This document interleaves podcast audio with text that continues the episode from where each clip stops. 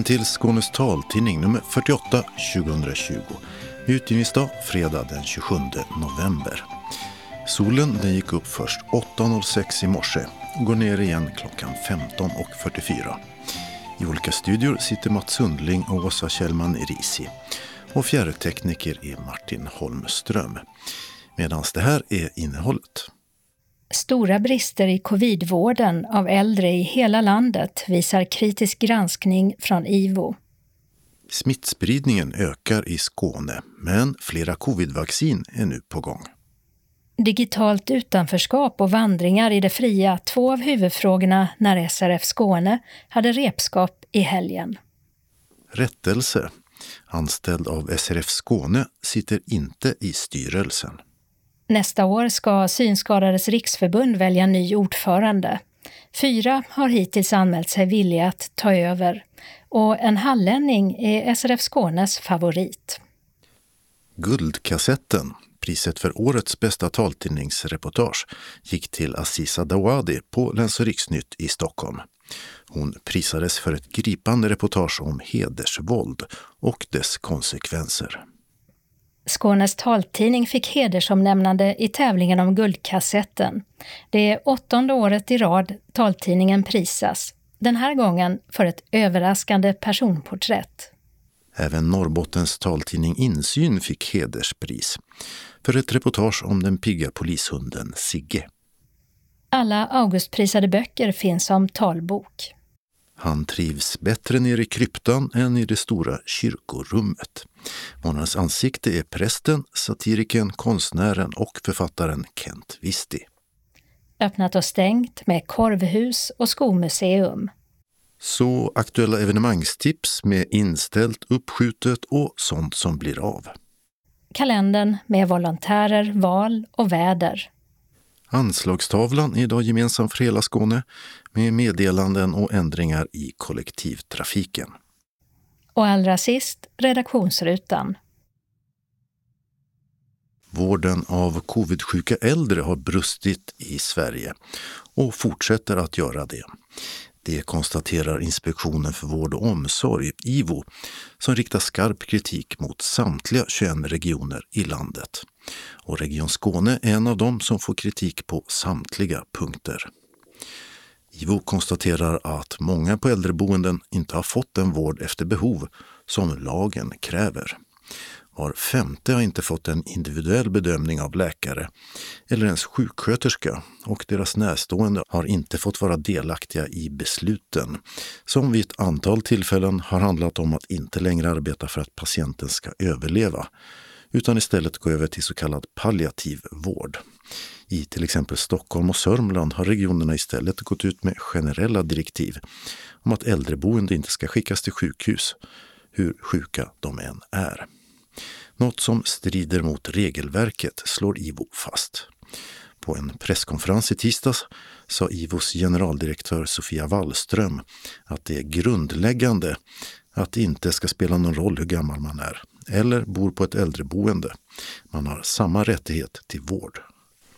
Regionerna har inte tagit sitt huvudansvar för sjukvård av äldre på särskilda boenden och lägsta nivån är helt enkelt för låg, sa IVOs generaldirektör.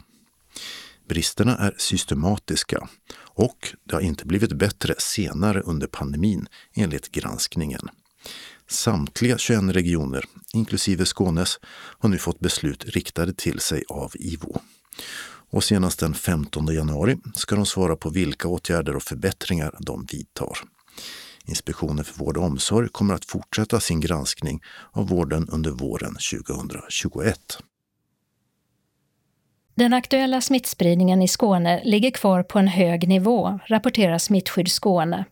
Den senaste veckan har i snitt 673 personer per dag konstaterats bära på viruset. Det är det högsta snittet hittills. Det visar sig allt mer också i vården, där det i tisdags var 192 patienter inlagda på sjukhus för covid-19. 20 av dessa inom intensivvården. Fler vårdplatser öppnas nu igen och Region Skåne planerar för att coronakurvan når sin topp mellan Lucia och trettonhelgen. Hittills har 365 skåningar avlidit av sjukdomen. Sju av tio av de nya smittade i Skåne är under 50 år, medan bara var tjugonde är över 70 år. Trots det är det den åldersgruppen som dominerar på vårdavdelningarna. Allt fler testas nu och andelen smittade som hittats har stigit den senaste tiden. Självtester är gratis, men man kan nu få vänta ett par dagar både på apotek och provtagningsplatser för bil och sen ytterligare sex dagar på provsvaret. I Skåne råds ju alla av Folkhälsomyndigheten att följa de skärpta allmänna råd som gäller till den 13 december, med till exempel avrådan från nära umgänge med alla utanför familjen, även utomhus. Och från saker som nöjesshopping, möten och träning i grupp. Regeringen har också beslutat att förbjuda mer än åtta personer på så kallade allmänna sammankomster och offentliga tillställningar, med undantag från begravningar där 20 personer får delta. I åtta personers regeln gäller även sittande, vilket ställt in och stängt en rad kultur och idrottsevenemang. Mer om detta i evenemangstipsen. Men ett ljus i mörkret är förstås att inte bara ett utan flera vacciner nu rapporterat lysande preliminära resultat. Till exempel AstraZeneca och Oxford-universitetets vaccin som visat en som bäst 90-procentig effektivitet.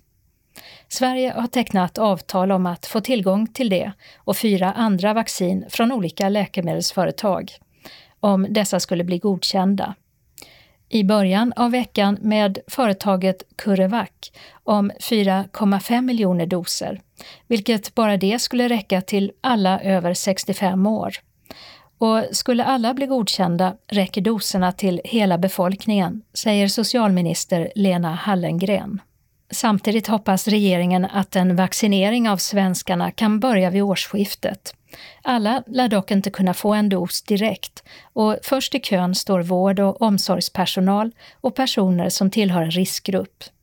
Eventuella biverkningar uppger regeringen kommer hanteras på ett likvärdigt sätt som läkemedelsförsäkringen. Själva vaccineringen kommer att bli kostnadsfri.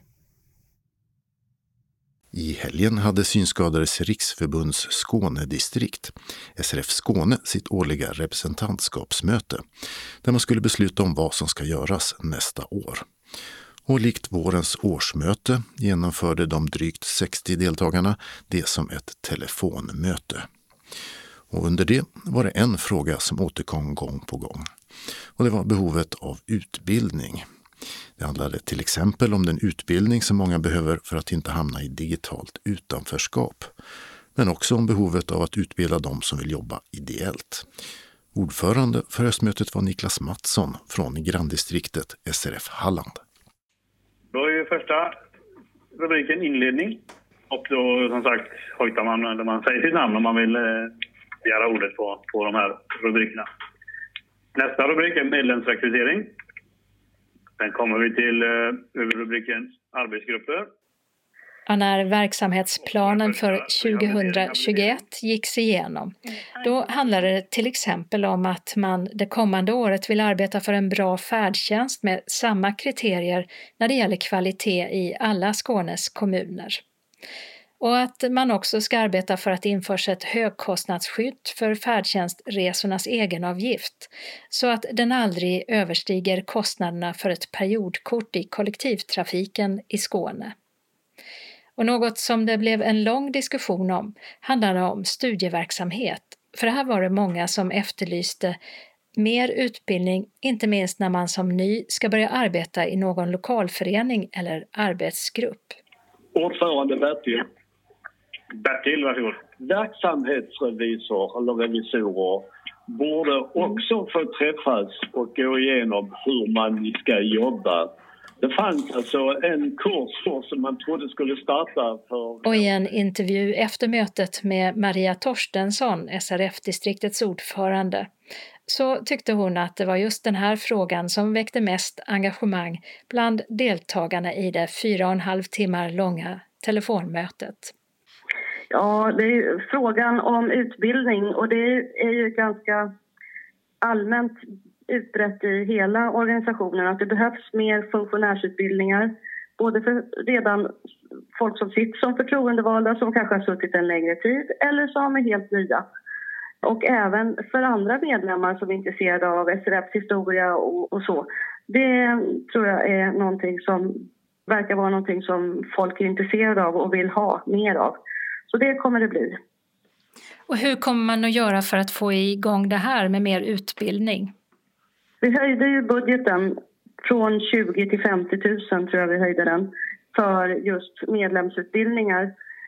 Och den kan ju höjas ännu mer för det är pengar som vi kan söka ganska lätt från Riksförbundet.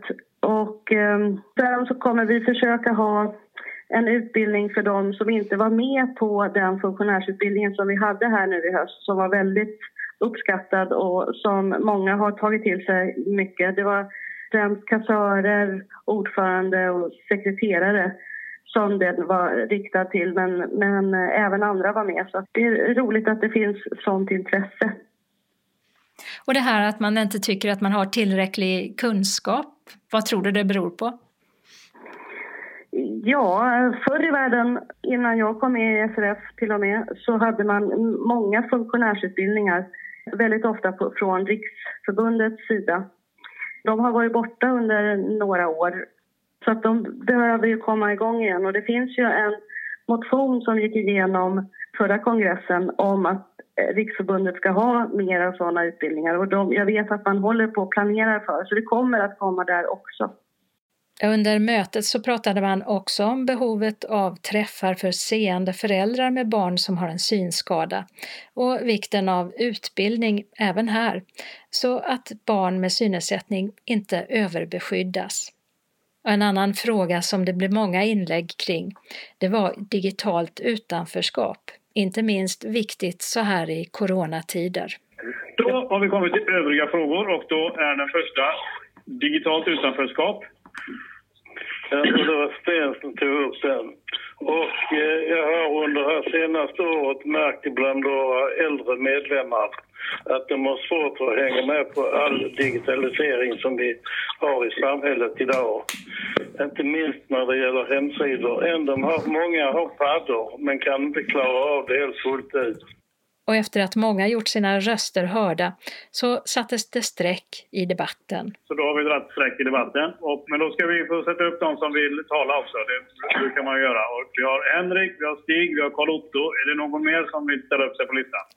Och Maria Torstensson var av samma åsikt som många gav uttryck för under mötet, att man ska ta kontakt med synenheten och säga att man behöver utbildning.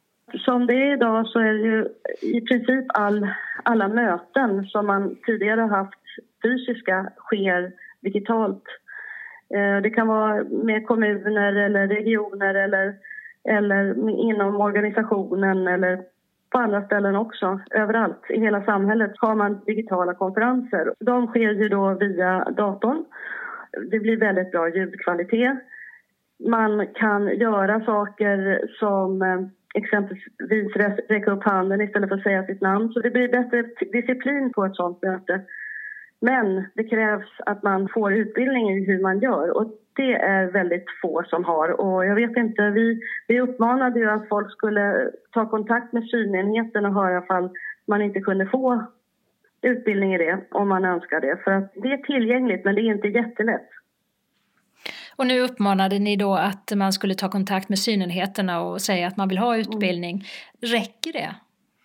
Det är det som folk måste göra till att börja med. För att om vi från SRF kommer till synenheten och säger att vi vill att, det, att ni ska lägga in mer utbildning i digitala medier då säger de äh, det är ingen som har frågat om det, säger de till oss då. Och då är det svårt att säga att vi behöver det. Så därför så krävs det att det är lite folk som önskar att ha det här och, och liksom uppmärksammar synenheterna på det. En annan sak som eh, togs upp på mötet som det låter som många vill ha, det är vandringar och där blev du med också i ett, att uh, försöka anordna det här? Vi har ju en ledarhundsvandring normalt sett i alla fall på våren och man önskade då att, att det skulle få finnas en vandring för synskadade utan ledarhund såklart. Och, eh, så den kom med in som ett önskemål då på sport och hälsa som vi har lagt till som en arbetsgrupp. Och, eh, det kommer att ske eh, vandringar. Vi har inte hunnit diskutera det i gruppen än. Men mitt förslag är att vi är fyra som sitter i gruppen och då kanske vi kan ha det på fyra olika platser i Skåne. Eh, på fyra olika delar av Skåne. Men det kommer att bli nästa år. Det kommer att bli vandringar. Sen eh, så har man ju ofta pratat om just det här med rekryteringen av medlemmar. Hur går det med den? Är det fortfarande svårt att få folk att engagera sig?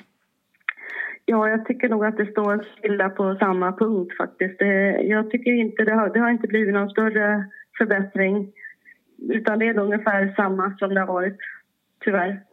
Som det är idag i föreningssverige så är det ju väldigt många som inte vill vara engagerade. Har du något recept för vad man ska göra? Dels aktiviteter som kan intressera fler målgrupper bland våra medlemmar. Och dels så, så tänker jag att man jobbar med intressepolitiskt med de frågorna som berör många och att vi visar oss mycket i media och så vidare. Och det gör vi inte riktigt. Men det är inte alltid så lätt heller. För att som det har varit sista året snart så, så är det nästan omöjligt att få in någonting i media för att det skrivs bara om corona i princip. Sist hörde vi Maria Torstensson, SRF Skånes ordförande. Reporter var Åsa Kjellman i Risi. Så har vi en rättelse. Anna Balte, som intervjuades i inslaget om Glimåkra folkhögskolas preparandkurser i förra numret, är anställd som projektledare för SRF Skånes projekt Skola till arbete och sitter inte längre, som felaktigt påstods i inslaget, i SRF Skånes styrelse. Däremot är hon ledamot i SRF Skånes arbetsgrupp för rehabilitering och habilitering, arbetsmarknad och utbildning.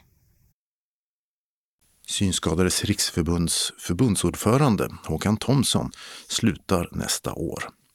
Och hittills är det fyra personer som är nominerade till att ta över. En av dem är Niklas Mattsson, som vi hörde var mötesordförande hos SRF Skåne i helgen. Till vardags är han ordförande för SRF Halland och vice ordförande i SRFs förbundsstyrelse. Och det är han som bör ta över, tycker Skånedistriktets styrelse. Ytterligare en man och två kvinnor kandiderar till posten. Det säger Maria Torstensson, ordförande i SRF Skåne. Han är en av fyra som gör det. Det är två stycken som sitter i förbundsstyrelsen, två män och sen så är det två kvinnor som är utanför förbundsstyrelsen som kandiderar just nu som det ser ut. Och vilka är de andra? Det är Alireza Aljapour från Göteborg som sitter i förbundsstyrelsen. Och sen är det Karin Hjalmarsson som jobbar på eh, Synskadades riksförbund. Just nu jobbar hon på Iris förvaltning. Och sen så är det Victoria Öjefors Skinn som bor på Gotland som har suttit tidigare i förbundsstyrelsen men som jobbar i politiken just nu. Än finns det några få dagar kvar att nominera kandidater till förbundsordförande. Den 1 december går tiden ut och det innebär att nomineringar och förslag ska vara inskickade innan sista november. Men Skånedistriktets styrelse har redan bestämt sig för vem de vill se som ny förbundsordförande. Från eh, distriktsstyrelsen så har vi eh, föreslagit Niklas Mattsson, så vi har nominerat honom. Och hur kommer det sig att ni nominerade honom? Ja, jag har sett hur han arbetar i eh, förbundsstyrelsen. Han är väldigt kunnig och duktig eh, på många områden. Han jobbar också eh, politiskt idag. Jag tror på honom helt enkelt. Han är, han är väldigt kompetent och blandar inte in sin egen politik i sakfrågorna på SRF. Det tycker jag är väldigt viktigt. Det sa Maria Torstensson, SRF Skånes ordförande och Niklas Mattsson arbetar politiskt för Kristdemokraterna. Synskadades riksförbund planerar ha sin kongress där valen hålls i juni 2021. Den skulle, som vi tidigare berättat, egentligen ägt rum nu i oktober, men flyttades på grund av coronaskäl. Reporter var Åsa Kjellman i Risi.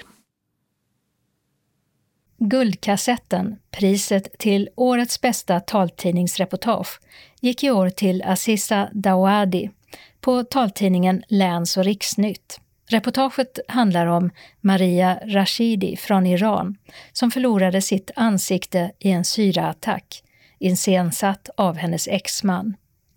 En gripande och analytisk berättelse om hedersvåld, sorg och framtidstro, skrev juryn i sin motivering. Aziza Dawadi blev glatt överraskad av beskedet. Hon hade inte räknat med att hon skulle vinna.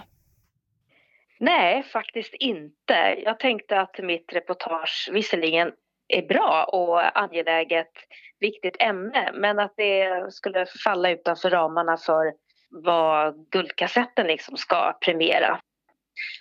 Det, det kanske inte handlade tillräckligt mycket om synnedsättning och mer om den här kvinnans öde då som har utsatt för hedersrelaterat våld. Så det var väl så jag tänkte. Och sen är det ju långt också. 37 minuter tänkte jag, det är ju så himla mycket längre än de flesta reportage brukar vara. Den här kvinnan Maria, hur träffade du henne? Ja, det var faktiskt så att jag kände inte alls henne sedan tidigare. Och jag var på ett Eh, funderingen GAPF, eh, Glöm aldrig Pela och Fadime, är ju en organisation som jobbar mot hedersrelaterat våld och förtryck. För det var ju två tjejer som mördades av sina anhöriga för att de ville leva ett självständigt liv. Och då blev hon eh, årets ja, hedersmedlem eller årets, de utser också någon person varje år som jobbar i deras anda och Maria Rashidi fick pris förra året. Så då, ehm, jag var bara där på galan för att jag är intresserad av ämnet.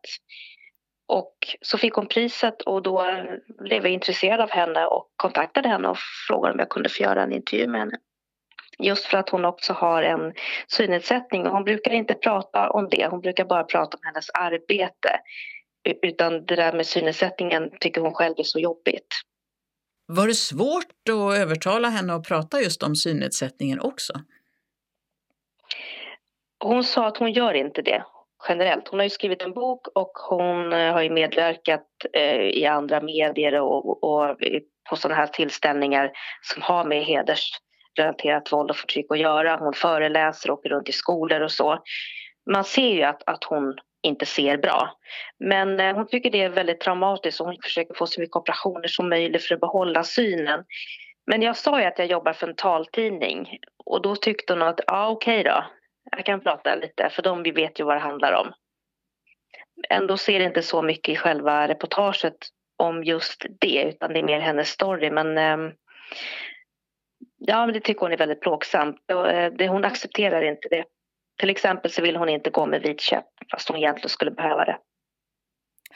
Vad tror du Maria själv tycker om att det här utsågs till årets bästa reportage på taltidningarna? Jag tror att hon, eh, hon är nog alltid glad att hennes historia sprids. Det, det, tror jag. Jag ska ringa henne och säga det. Jag tror hon kommer bli jätteglad. Och framförallt kanske att det är människor som inte ser så bra som också verkligen kan förstå henne på ett helt annat sätt än människor som kanske bara är intresserade av hedersförtryck eller människor som lever under det. Det är naturligtvis jätteviktigt men det här blir ju någonting helt annat, att förstå ett, eh, en funktionsnedsättning. Och framförallt att den har uppkommit på så traumatiskt sätt. Men det är andra som också har varit med om olyckor eller kan leva sig in i att förlora sin syn så snabbt. Så det, det tror jag betyder mycket också. Du är ju ny i taltidningsbranschen. Det här var ja. första gången du tävlade i Guldkassetten. Ja, det var det. Så det är extra kul. Men jag är jättevan eh, radioreportagemakare det, jag har gjort radio i 20 år liksom, så att jag har jobbat väldigt mycket för P1, samhällsredaktionen och för dokumentärredaktionen. Så jag är van att jobba i det längre formatet. Det var lite av en slump att jag kom in i, det här jobbet. Jag, jag är jättetacksam att jag har fördjupat mina kunskaper om olika funktionsnedsättningar ur ett mångfaldsperspektiv som just jag tycker är jätte, jätteviktigt. Jag har förstått att det betyder mycket om man inte har möjlighet att eh, ta del av det som informationen i samhället på samma sätt, att det här blir riktat. och man får det på sin egen taltidning. Så att jag, jag hoppas att jag kan göra mer reportage som är angelägna för målgruppen helt enkelt. Vad ser du som den stora skillnaden mellan att jobba på radion med alla som målgrupp och just en taltidning? Det är just att eh, synutsättningen tas ju för givet på något sätt, att det är det som alla känner till. Och skillnaden då, det är ju att eh, nyheterna är mer vinklade. Annars så ska man ju berätta en bra story. Alltså du ska ju göra bra radio. Det är ju det. Det, det kommer man ju inte undan. Du ska ha ljudmiljö, du ska liksom berätta en bra story, det ska liksom vara dramaturgiskt. Det är ju detsamma. Däremot måste man beskriva lite mer. Jag gjorde ett reportage om eh, några skulpturer i Vårberg. Då måste man berätta lite mer ingående kanske hur de ser ut så att man kan, man kan få en, en annan bild. Sen tycker jag att vi har lite olika stil också inom olika taltidningar. Jag beskriver inte lika mycket som en del andra gör, till exempel hur folk ser ut eller vad de har på sig. Därför att jag personligen inte tycker att det är så relevant. Fast här beskrev du ju en del hur Maria ser ut och eh, hur hon sitter och så. Ja, hur hon sitter, men i, i det här fallet tycker jag det var relevant. För att alla undrar hur ser en person ut som har en eh, fått en syraattack i ansiktet. Eh, så här tyck, var det jätterelevant. Men jag tyckte det var väldigt svårt att beskriva henne. För att jag ville inte vara kränkande faktiskt. Eh, att beskriva någon som är skadad kan ju faktiskt vara lite svårt. Jag tyckte det var svårt. Priset är ju en eh, inramad guldkassett där motiveringen står, men det är också ett pengapris. Har du hunnit fundera över vad du ska använda det till? Jag visste ju inte att det var några pengar. Det var ju det som var grejen. Jag blev helt chockad. Jag trodde att det var liksom en, en tavla och då tänkte jag vad kul. Mm, pengar? Och sen när de sa pengar då tänkte jag ja, men det kanske är fem, en, två biobiljetter eller något. Jag tänkte verkligen det. Fem tusen? Herregud, vad ska jag göra då? Ja, jag vet inte. Köpa en parfym kanske? Det gillar jag. Det sa Aziza Dawadi, årets vinnare av Guldkassettenpriset för årets bästa taltidningsreportage. Priset är instiftat av Taltidningsproducenternas förening och delades ut i samband med föreningens digitala årsmöte i förra veckan. Juryn har bestått av kulturjournalisten och författaren Ulrika Knutsson, ordförande, journalisterna Kate Bessing och Helene Andersson samt datateknikern och utbildaren på synhjälpmedel Tony Bernedal. Reporter var Birgitta Fredén. Och det vinnande reportaget kan ni lyssna till i Skånes taltidnings helgnummer i jul och nyår. För åttonde året i rad belönades ett reportage från Skånes taltidning när Guldkassetten, alltså priset för årets bästa taltidningsreportage, delades ut i förra veckan. I år var det Dodo Parikas som fick ett hedersomnämnande för sitt porträtt av Ter Tomma, krigsflykting från Irak som nu studerar juridik i Lund. Ett levande och nyanserat intervjuporträtt med nya överraskningar bakom varje krök, tyckte juryn. Och Dodo Parikas blev mycket glad över utmärkelsen. Jag är jätteglad därför att jag tycker att Tertomma som jag har intervjuat är värd det. Hans historia är äh, värd det. Han är äh, krigsflykting och äh, berättar väldigt osentimentalt och mm, väldigt bra om sitt liv och vad som har hänt honom. Jag är väldigt glad över att eh, han var villig att dela sin historia med mig men utan historien hade det inte blivit eh, något hedersomnämnande. Så enkelt är det. Men jag är jätteglad. Nej, det är ju just eh, hans bakgrund. Han är ingen vanlig juriststudent i Lund direkt. Nej, det är han verkligen inte utan eh, han eh, miste alltså synen i en eh, granatattack och, som, som barn och lyckades ganska tidigt klara sig att ja, acceptera sin, sin situation och sen har han fått chansen till ett liv i mm, Sverige och eh, är Lunda eh, student och eh, läser juridik här men vanlig är han definitivt inte. Men för att vara en skärpt snubbe så kanske han är, är, är vanlig men, eh, i sitt gebit men eh, hans historia är verkligen inte vanlig. Han verkar ju ta det ganska kallt i alla fall det här eh, att han lekte med tändhattar och blev så allvarligt skadad när han var barn. Ja, jag misstänkte ju att hans intresse för Eh, krigshistoria och slag och eh, sådana saker är ett sätt att bearbeta det men det slog han ifrån sig eller snarare han höll inte med om det på ett sätt som jag inte känner att jag kan ifrågasätta. Varje människa hittar rätt sätt att klara sitt liv på och det där är, är, är hans och jag säger hatten av och hatten av för alla eh, som, har, som, som är villiga att dela sina eh, historier framför en journalists mikrofon därför att man lär av hur andra tacklar sina liv, både tacklar svårigheter och eh, överhuvudtaget. Så att, ja. Var det svårt att få honom att berätta om det här? Nej, det tycker jag inte. Han berättade. Jag tror att han kanske inte var beredd på alla frågor men, men eh, det vet man ju aldrig. Men nej, det var inte svårt.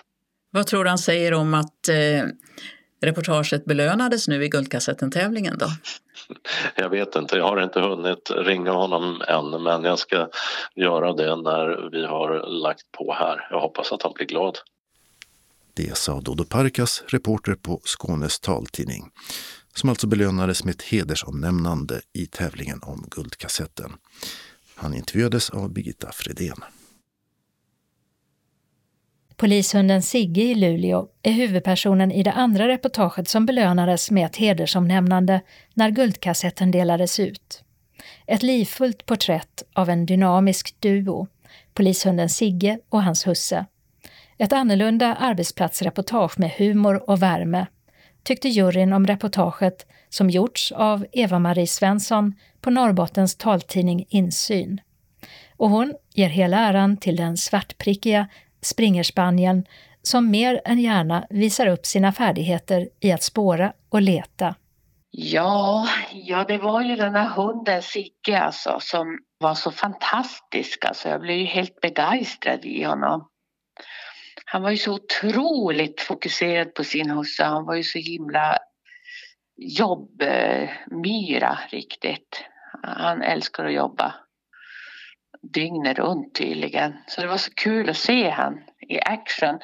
Och dessutom är det ju sånt himla eh, bra syfte det här. Jag avskyr ju knark själv så jag tycker det är jättebra att en, en hund kan bistå polisen på det där sättet.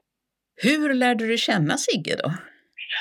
Ja, Sigge har jag väl kanske någon gång träffat tidigare men hans husse, han eh, var stuggranne med mig när jag var liten eh, och alltid som haft olika hundar så att han är ju flera år äldre men, men eh, jag visste vem han var så att jag läste några reportage i tidningen och så tänkte jag att det här kan vara spännande med olika sinnen, hur man använder dem som mest. Jag blev inbjuden då till polishuset då där han skulle få se hur han då sökte efter olika preparat. Men var det just Sigge som du ville träffa eller var det så att du, du skulle göra ett arbetsplatsreportage om polisen i största allmänhet? Nej, det var Sigge. Det var Sigge och hans fantastiska nos som jag ville göra ett reportage om. Hur, hur man tränar en hund och hur det går till när man gör sådana där sök och så. Man läser ju om dem då, då och då i tidningen när de har letat efter någon försvunnen människa eller ja, hittat något stort parti narkotika. Så då, jag tyckte det lät jättespännande. Det lät ju också som om Sigge inte ser ut som man tänker sig en polishund direkt. Nej, Han ser ut som en liten knähund, som väldigt gullig. Med så här lurvig päls och ja, jättesnäll ser han ut. Och det var tydligen en stor fördel också för att folk blev inte rädda då när de kom in med hunden i lägenheten kanske utan för det mesta så brukar det gå bra. Och sen så tog ju ditt reportage död på en eh, fördom som många kanske har eller eh, talesätt sådär att pengar inte luktar. Nej precis, det var ju jättefascinerande. Jag har ju bott i USA så att jag har ju känt att de här dollarsedlarna luktar ju faktiskt lite grann. Så att man faktiskt kan känna det, att de har en speciell lukt. Men jag kan inte påstå att jag tycker att eh, våra sedlar luktar. Men det gör de. Och det här också med att de kan leta vapen, att det som är då krutröken som, som luktar på magasinet då till exempel. Så det är det som de hittar när de gömmer dem då någonstans i skogen eller någon annanstans. Då ska du väl söka upp Sigge igen och tacka honom med något gott? Ja, Sigge måste ju få ett ben eller någonting. Riktigt härligt. Hans husse har jag ringt och berättat om denna vinsten och han blev ju då han blev tårögd sa han. Han tyckte det var fint. Men Sigge blir nog bara glad.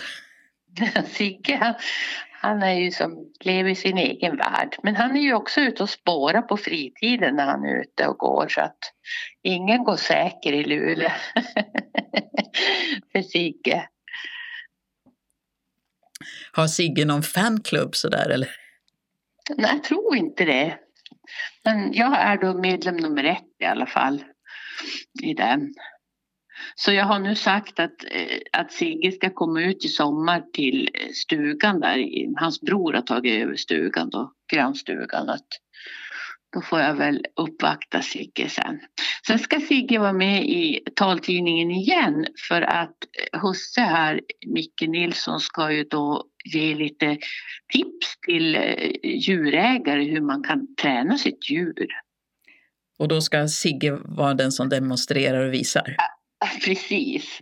Då får man veta som hur, hur man gör för att få dem att, att göra olika tricks. Sa Eva-Marie Svensson på Norrbottens taltidning Insyn, som även hon alltså fick ett hedersomnämnande i tävlingen om Guldkassetten. Tillfällen att höra de prisbelönta reportagen blir det som traditionen bjuder i Skånes taltidnings helgnummer runt jul och nyår. Årets Augustpristagare utsågs i veckan och alla vinnarna finns att läsa i talboksform.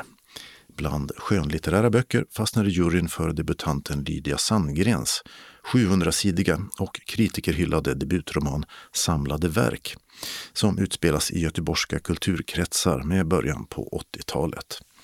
Göteborg med svartklubbar, sunkak och universitetsbibliotek blir spelplats för ett triangeldrama där den försvunna Cecilia är det svarta hål kring vilket romangestalterna graviterar.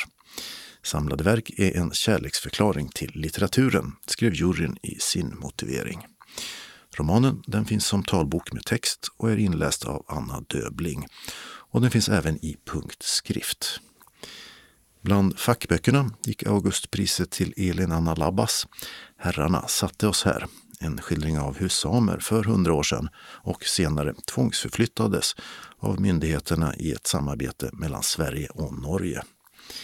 Elin Analaba beskriver renskinn så mjuka att det känns som handen ska smälta när man stryker dem. Med samma stillsamma poetiska kraft i språket synliggör hon Sveriges tvångsförflyttningar av samerna. Tvångsförflyttningar som söndrat urgamla släktband, nätverk och flyttleder står det bland annat i juryns motivering. Också den boken finns inläst som talbok, här av Per Stefan Labba. Och av nominerade barn och ungdomsböcker var det Kristina Sigurdsdotters Humlan Hanssons hemligheter som prisades. Den avväpnande berättelsen om bästisvek och växtverk kickstartar i dagboksformat. Kristina Sigurdsdotters text är skruvad och sällsynt levande, skrev juryn i sin motivering. Och boken den finns inläst som talbok av Camilla Bard. Månadens ansikte sitter på 49-årige Kent Visti. Präst, satiriker, författare och konstnär, allt i ett. Häromåret fick han utmärkelsen Årets förnyare i Svenska kyrkan och nyligen mottog han biståndsorganisationen IEMs pris som ges till någon som gjort viktiga medmänskliga insatser och eller har väckt opinion mot våld, förtryck, rasism eller orättvisor. Vi träffade Kent Visti på stiftskansliet i Lund där han jobbar precis intill domkyrkan.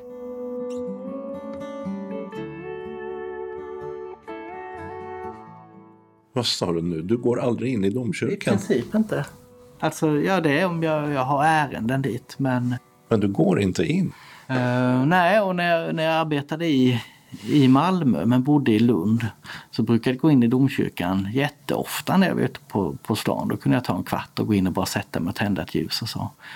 Uh, men nu jobbar jag ju, vad är det, 150 meter från domkyrkan och passerar den dagligen flera gånger varje dag och går sällan in. Jag har inte reflekterat över det själv men det blir väl kanske för nära. Men har du lust att visa mig någon, något ställe i domkyrkan som du tycker om? Ja, det gör jag gärna.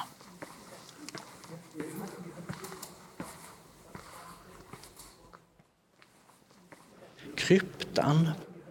Förr eller senare så, så kommer jag till kryptan när jag är i domkyrkan för det, eh, det är en lugn, skön, mörk plats där jag känner mig mer omgärdad och buren och omsluten än kanske i det här stora, väldiga.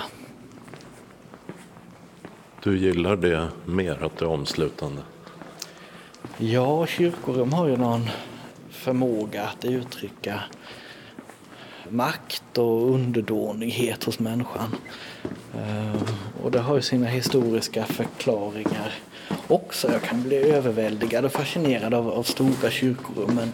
Om det är någon, någon eh, känsla av närvaro jag vill ha så trivs jag bättre här nere i kryptan. Berätta, hur ser det ut där vi står? Det är ett rum som direkt känns som gammalt. Det känns att man kliver in i historien. Eh, rummet består av en mängd pelare och valv så man har aldrig någon egentlig överblick över rummet. Det är en väldigt lugn plats. Ja, det är det som är så jätteskönt och det är många som söker stillhet i domkyrkan överhuvudtaget. Men just lugnet här nere är svårt att få någon annanstans. Vad säger det här rummet dig? Mm. Alltså någonting ordlöst. Den ger mig plats i ett sammanhang där jag vet att det är så gammalt och jag vet att människor har varit här tidigare med sina erfarenheter av livet med allt vad det inneburit med vinster och förluster och längtan och hälsa, ohälsa, liv och död. Eh, och sen kan jag gå ner i det med allt det som är mitt och allt får plats här. Så det är en viktig plats för mig. Alltså, som präst, du söker dig också någonstans för att få det där stödet? Jo, och det är väl en av de viktiga benen man har som präst att på något sätt, eh, eller som människa, alltså vårda sin egen andlighet och sin egen eh, längtan efter det gudomliga. Präst är ju snarare en funktion än att vi skulle bära någon annan helighet eller någon, någon större gudsnärvaro på något sätt. Det är en funktion i en kyrka. Det låter nästan mekaniskt. Nej, det är det inte. Men, men eh, man kanske får vara lite mekanisk ibland för att eh, slå bort de här tankarna på att prästen på något sätt skulle stå närmare Gud eller bära någon annan helighet eller någonting. Men förväntas du bära andra människor, andra människors problem och tvivel och funderingar? Ja, det är ju en del av, av min yrkesbeskrivning som präst. Som präst så, så ska jag ju kunna eh, härbärgera och någonstans öva mig i att titta på den här människan ur kyrkans ögon och i, i Kristi ögon. Då. Eh, men sen tänker jag mig att det är varje kristen människas kall att leva i ett sådant syskonskap. Vad säger det att jag kan göra samma sak som du? Jag tror att vi kan öva oss i att inte vara rädda för varandra. Alltså även i, när vi kommer i, i situationer där vi kan känna vanmakt eller det kan vara människor vi inte förstår hur de fungerar. Att leva i någon tillit i att det här mötet kan vara gott och det finns inget som förväntas av mig eller krävs av mig egentligen mer än att jag är närvarande. Men vad gör du när du hamnar i vanmakt? Uh...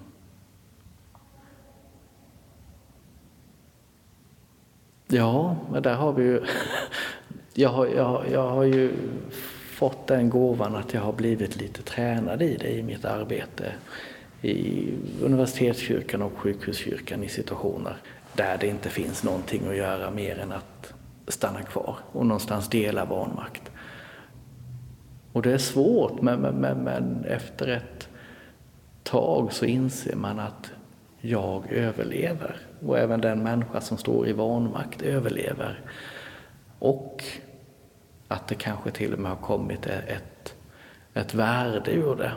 Jag tror inte att allting har en, en mening, men allting kan vara meningsbärande. Livet fortsätter och jag tror att det är den stora trösten. Tröstar erfarenheten av att inte vara ensam och att livet fortsätter. Kanske det ser helt annorlunda ut under helt andra förutsättningar och premisser, men det fortsätter. Du sa sjukhuspräst, alla överlever ju faktiskt inte, patienterna. Ja, nej, inte alltid prästerna, nej så är det ju. Uh, när jag pratar med dem så lever de ju, om det än så bara är en timme till. Men det mötet sker ju i livet.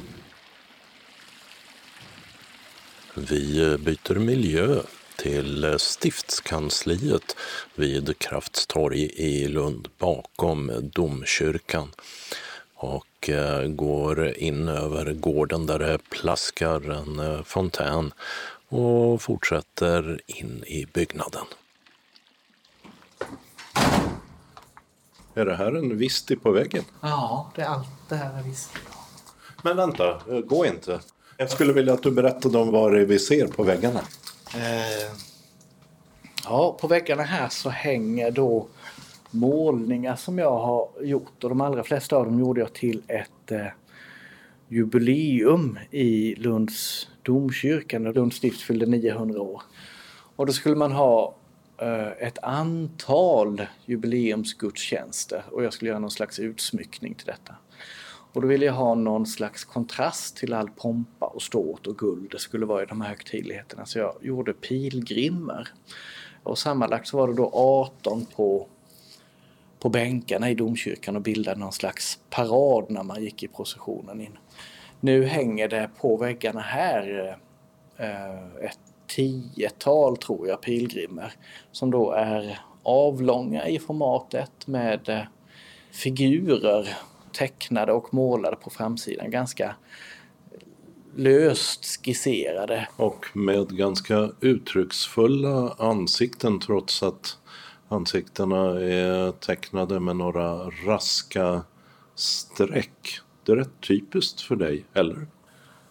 Ja, och ofta så blir jag överraskad själv. På det sättet är jag en ganska usel tecknare. Det blir, det blir sällan på det sättet som jag har eh, tänkt eller föreställt mig att det ska bli. Eh, men det innebär att de får också lite olika ansiktsuttryck. Då. Pilgrimsvandringen är ju också en, en bild för livet som, som eh, ser olika ut för oss alla men som också skiftar i stämningsläge.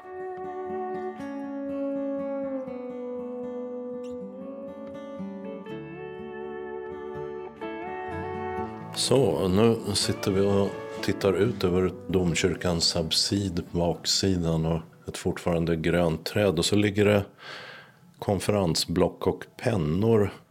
Törs man be dig rita en gubbe? Jaha, det kan jag absolut göra. En gubbe vilken som helst. Ja, eller någon av dina gubbar som förekommer i satirteckningar i tidningar. Ja, alltså de är... Det är ganska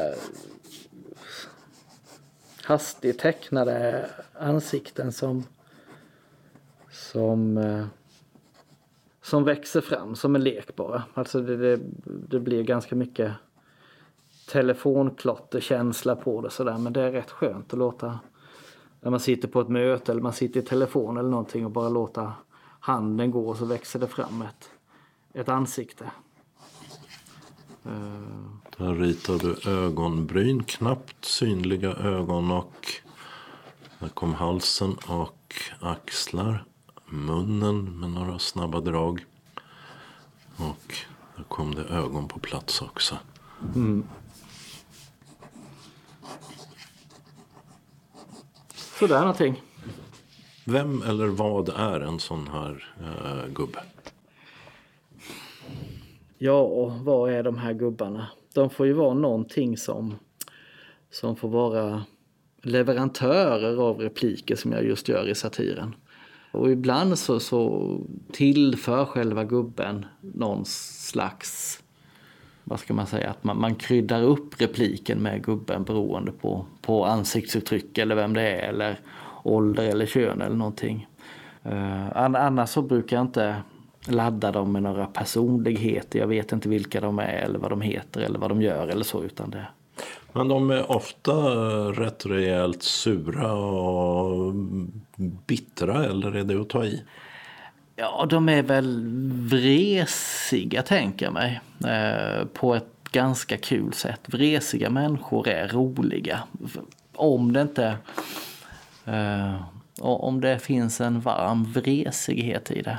Eh, så kan det ju vara fantastiskt kul att umgås med sådana människor som, eh, som är kverulanta på ett, ett varmt och livsbejakande sätt. Annars tycker jag liksom människor som bara är bittra blir man ju ledsen av och sörjer. Alltså det, det är ömkansvärt. Kent Vistis ansikten, gubbar om man så vill, med sina satiriska kommentarer till tillståndet i Sverige, själen, världen, publiceras bland annat i Dagens Nyheter och finns även i bokform. Korta, slagkraftiga texter med skruv illustreras av flyhänta, skickligt fångade teckningar. Påfallande ofta buttra halvgamla män alltså. Så här till exempel.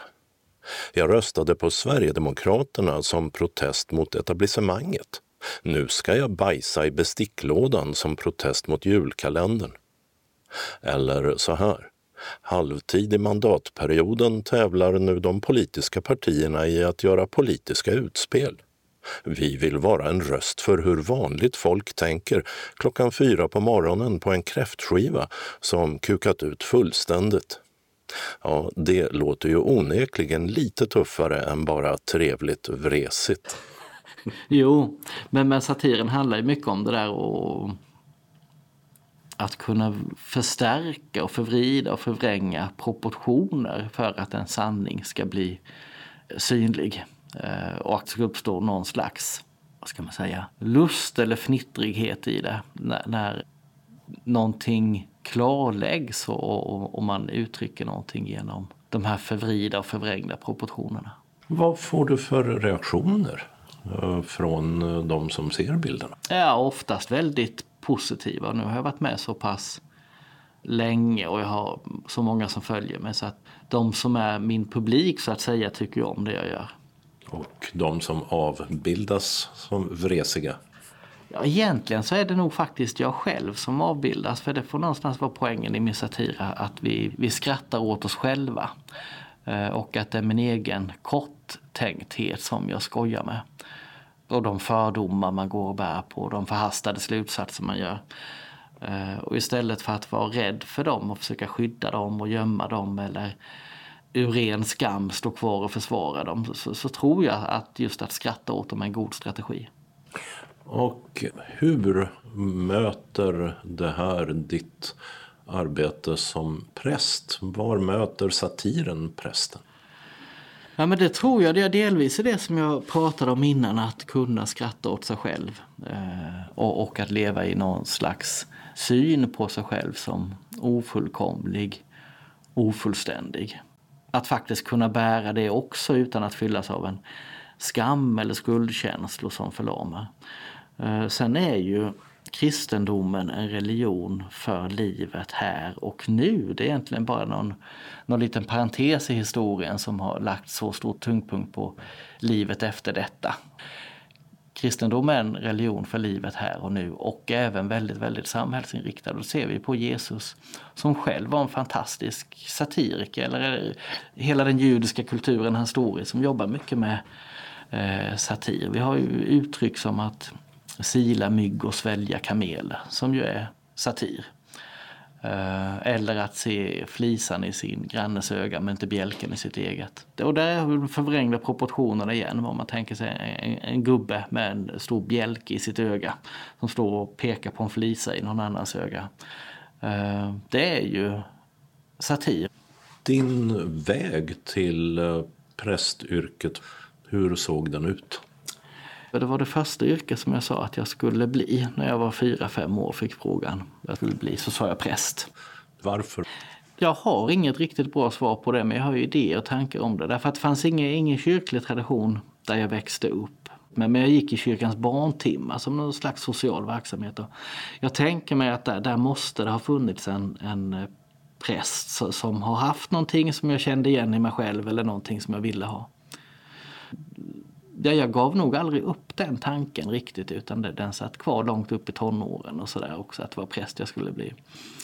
Eh, men jag hade någon idé om att man skulle vara, ha större livserfarenhet och vara klok och ha skägg och sådär. Vilket du har nu? Skägg har jag i alla fall, så, så det kan vi sätta check i den boxen. Så jag gick på konstskola och jag hade funderingar på att bli journalist, psykolog eh, och bildkonstnär. Då. Men, men sen kände jag ändå då när jag var strax över, över 20 att nej men, men det är ändå präst jag ska, ska bli och det är nu. Så då började jag läsa. Men sen tog det tid det där med, för jag tog något år med studieuppehåll och sen var jag pappaledig ganska mycket för två barn. Och, så att det fick ta sin tid. Finns det någon eh, gång under den perioden tills du prästvigdes där du tänkte att vad har jag gett mig in på? Ska jag göra det här? Nej, faktiskt aldrig. Jag är så glad att jag har liksom blivit så lyckligt lottad eller fått den gåvan eller nåden eller vad vi nu ska använda för ord. Att jag, jag hittar det så lätt i mig själv vad jag vill vara och vad jag tänker mig att mitt liv är ämnat att vara. Så, så är det präst. Jag kan inte föreställa mig att jag skulle vara någonting annat. Vad skulle du säga är kärnan i vad som driver dig i skapandet och i arbetet? Jag tror inte man ska hitta ord för det. Man, man kan försöka leva nära det, man kan öppna sig för det och man, man kan i viss mån kanske till och med utforska det. Men jag tror att man ska vara försiktig med att hitta ord för det. Annat än möjligen i poesin då. Eh, men öva sig i tillit till det.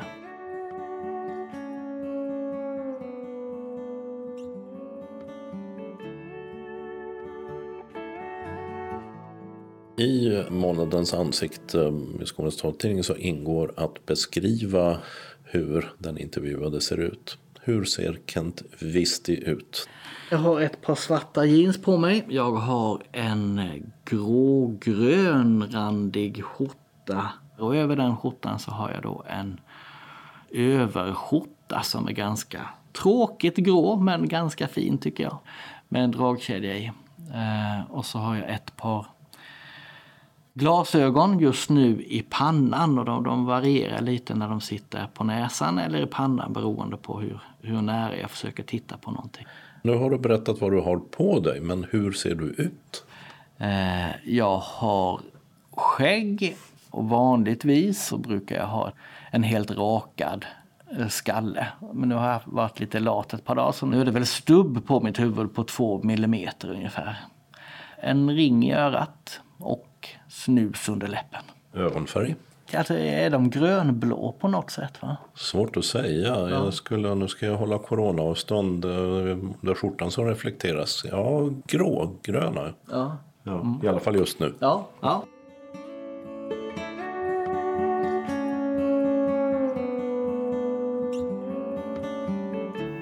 Och vi ska tillägga att Kent Vistis kyrkliga titel är stiftsadjunkt för mission. Hans satirbok i det här jävla landet finns som talbok med text. Betraktelseböckerna De tillhöriga och Svartgrundet ska eventuellt läsas in. Reporter var Dodo Parikas. Öppnat och stängt. I Malmö har kommunen, senare än andra kommuner, beslutat stänga alla simhallar, i första hand till den 13 december. I Lund har Korvhuset, där man kunde välja bland 101 sorters korv, stängt efter 11 år på Östra Mårtensgatan 2B. I Knislinge har ett skomuseum invigts i en del av den gamla skofabrikens lokaler. Där tillverkades skor från slutet av 1800-talet fram till 1975. Och nu visas en hel del av dem och maskinerna de tillverkades med upp igen. I Hör har outletbutiken Lager 23 öppnat igen på den nya adressen Transportvägen 8, inte långt från Lidl. De säljer bland annat kläder och julpynt och har öppet torsdag till söndag.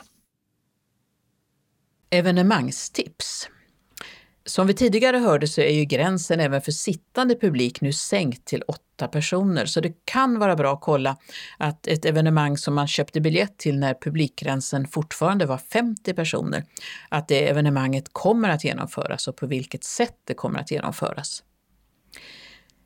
I förra numret berättade vi att det var oklart om Helsingborgs stadsteater skulle kunna genomföra jultjutet på Lillan som planerat. Sedan dess har teatern beslutat att pausa alla föreställningar fram till årsskiftet. Beslutet påverkar också uppsättningen Evigt ung på Storan och Soppteatern. Malmö stadsteater ställer in alla föreställningar till och med den 31 december. Det gäller Bröllopstårtan på Intiman och Cyrano de Bergerac på Hipp. Premiären för Kejsarens nya kläder på HIP flyttas fram till den 8 januari och premiären på AI-partiet på Studion flyttas fram till den 12 januari. Båda datumen är preliminära än så länge. Malmö Opera förlänger nedstängningen av verksamheten till och med den 31 december. Föreställningarna av Falstaff och Funny Girl ställs alltså in helt, liksom Kammarkonserten den 5 december. De kommer inte heller att streamas. Enda undantaget är Jul på Operan med Richard Söderberg, Ann-Sofie von Otter och Marianne Mörk som presenterar traditionella julsånger såväl som operaarior. De föreställningarna spelas utan publik på plats och streamas den 18, 19 och 20 december. Streamingbiljett kostar 100 kronor och kan bokas fram till klockan 12 föreställningsdagen på Malmö Operas hemsida malmoopera.se jul pa operan streaming. Ikväll fredag den 27 november startar årets säsong av På spåret i Sveriges Television. Programmet sänds syntolkat i SVT 24 klockan 20. I första programmet av 13 möter programledaren Farah Abadi och komikern Johan Glans. De möter journalisten Sanna Lundell och musikern Plura Jonsson. Och den 1 december börjar julkalendern i Sveriges Television, även den syntolkad. Årets kalender heter Mirakel och handlar om två flickor som gör en tidsresa. Den ena från 1920 till 2020 och den andra åt andra hållet. Julkalendern sänds i SVT Barn klockan 12 på dagen, men läggs ut på svtbarn.se redan tidigt på morgonen. I Malmö har Hälsa, vård och omsorgsförvaltningen tillsammans med Kulturförvaltningen spelat in fyra filmer, en för varje adventssöndag, med musik, teater och mys. Den röda tråden är skådespelaren Hans-Peter Ed som pysslar i sitt torp. Filmerna är tänkta som ersättning för att det inte blir några luciatåg eller julkonserter på stadens särskilda boenden, men kan ses av alla, alltså även icke Malmöbor, via Malmö stads hemsida malmo.se kulturforaldre. De är syntolkade av Helena Frank och kommer att ligga kvar även efter den aktuella söndagen. I Ystad kan den som vill ta en promenad och samtidigt motionera hjärnan ladda ner appen Ystad till sin telefon och i egen takt genomföra Ystad-appens julquiz från och med första söndagen i advent och december månad ut mellan klockan 10 och 19. Tipspromenaden startar på Stortorget. Hur man kommer tillbaka efter en stroke berättar handbollsstjärnan Magnus Wislander i Lunds universitets medicinska fakultets seminarieserie Kunskapskrogen tisdagen den 1 december klockan 19. Även Kristina Brogård, professor i fysioterapi och forskare inom stroke och rehabilitering medverkar. Det hela är en gratis digital livesändning med obligatorisk föranmälan på webforms.med.lu.se kunskapskrogen. Poeten och författaren Bob Hansson håller en digital föreläsning på Hässleholms kulturhus torsdagen den 3 december klockan 19 20. Under rubriken Kultur är ett annat ord för kärlek talar han om att alla människor behöver andra människor. Föreläsningen är gratis. Men man ska anmäla sig till biljett.kultur hassleholm.se för att få en länk till livesändningen. Bob Hanssons föreläsning skulle ha varit en del av ett omfattande program för att fira att Hässleholms kulturhus fyller 20 år, men alla andra programpunkter har ställts in och firandet skjutits upp till nästa höst. Då som 21-årsjubileum förstås. Kultur Hässleholm kontaktar de som köpt biljett för återbetalning.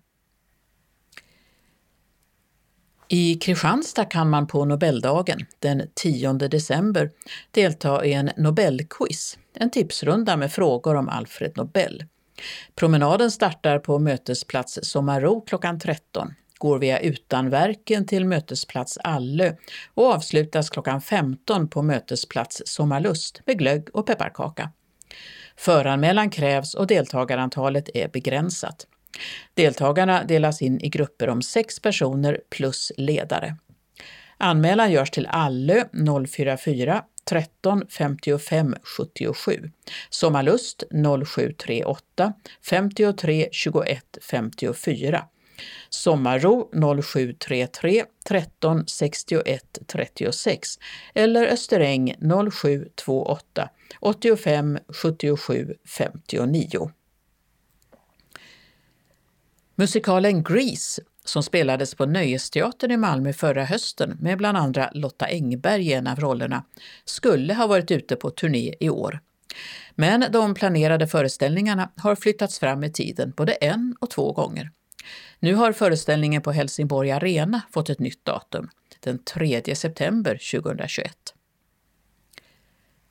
Kontaktinformation Malmö Opera 040 20 85 00 Malmö Stadsteater 040 20 86 10.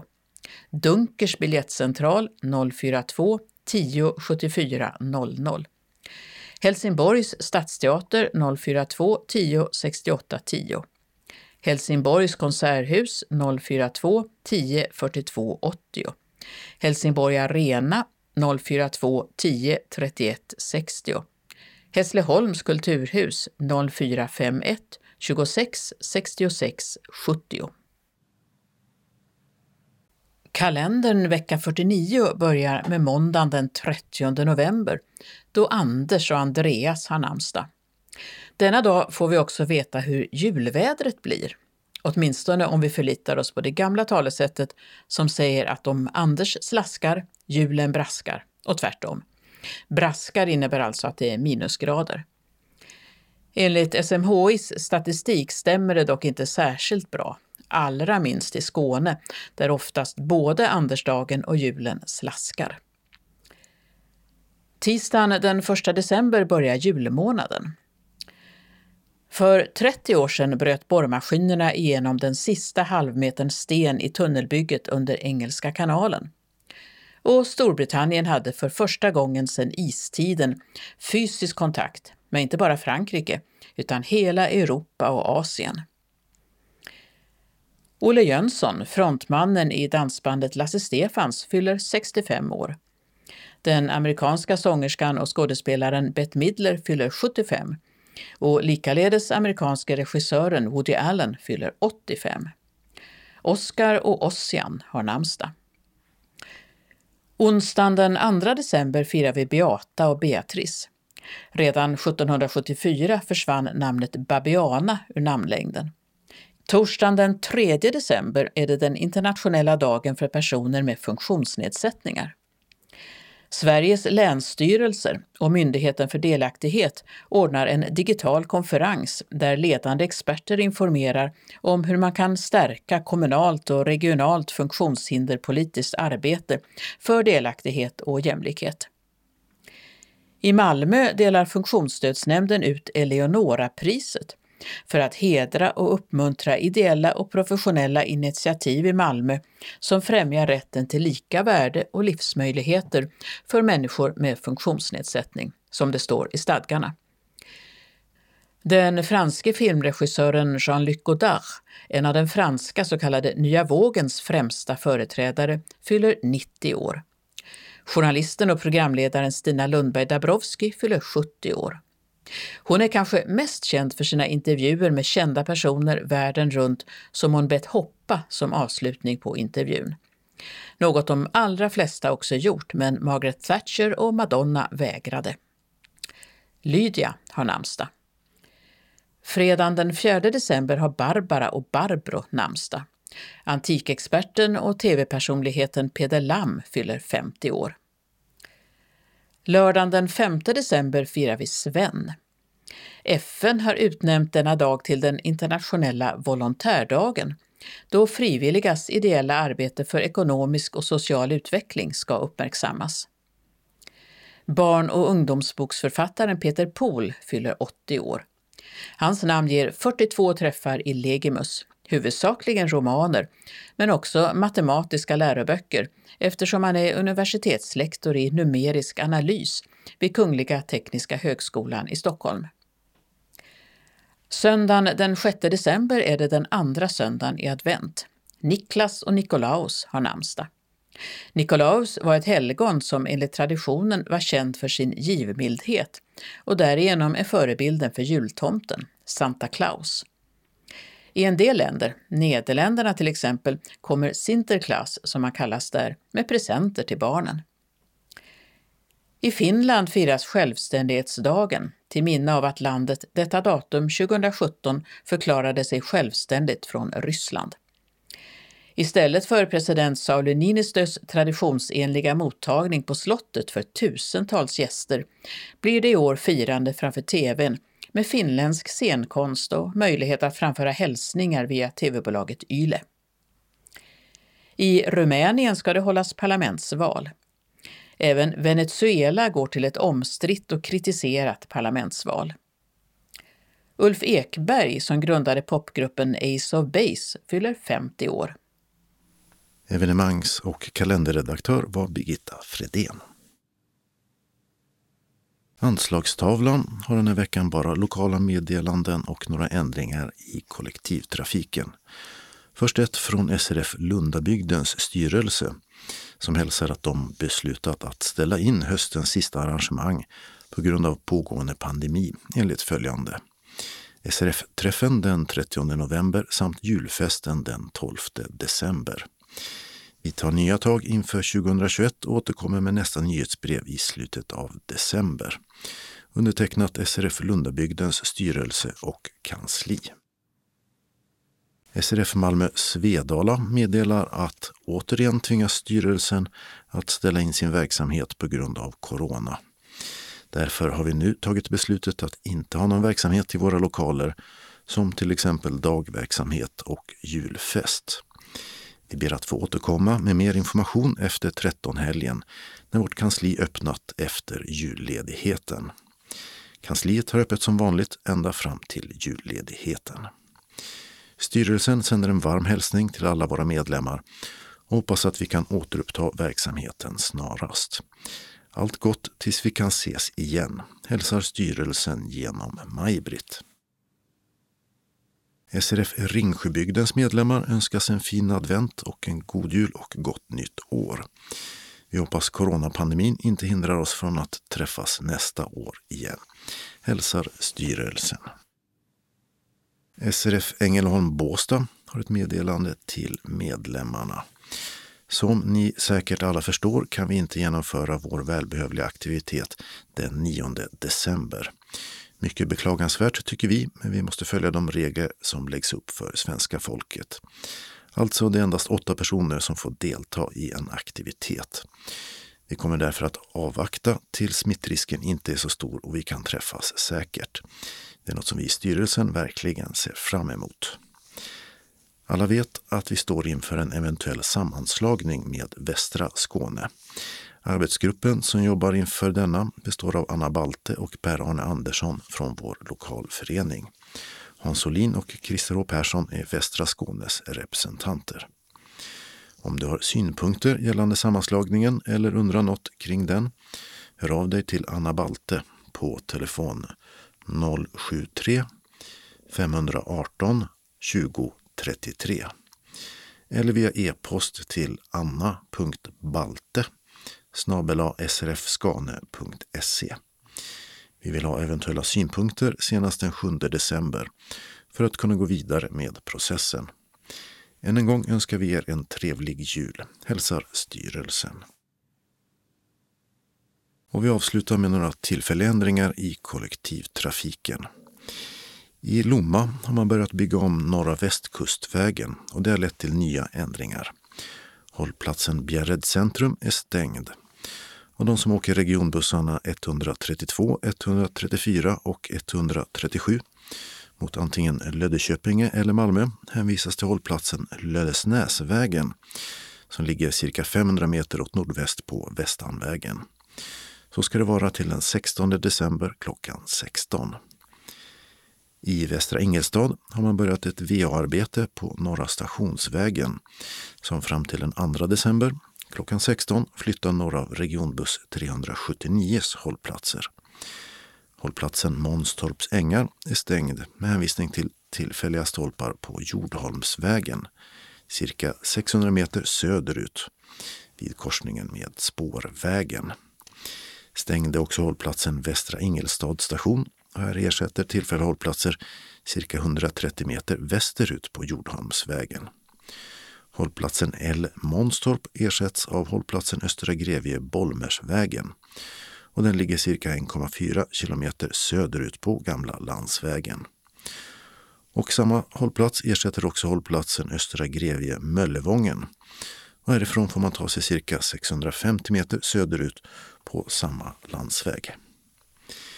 I Dalby har man börjat vägarbeta på Lundavägen och det får regionbuss 174 att ta en annan väg. Hållplatsen Dalby Pumpvägen, läge B, är stängd i riktningen mot Dalby busstation. Och just den senare, busstationen alltså, är ersättning fram till den 1 januari klockan 16. Och med det beskedet var det dags att sätta punkt för veckans Skånes taltidning. Nästa nummer kommer nästa vecka, den 4 december. Och det återstår bara att önska en glad advent. Skånes taltidning ges ut av Region Skånes psykiatri och habiliteringsförvaltning. Ansvarig utgivare är Martin Holmström. Postadress Jörgen Ankersgatan 12, 211 45 Malmö. Telefon 040-673 0970.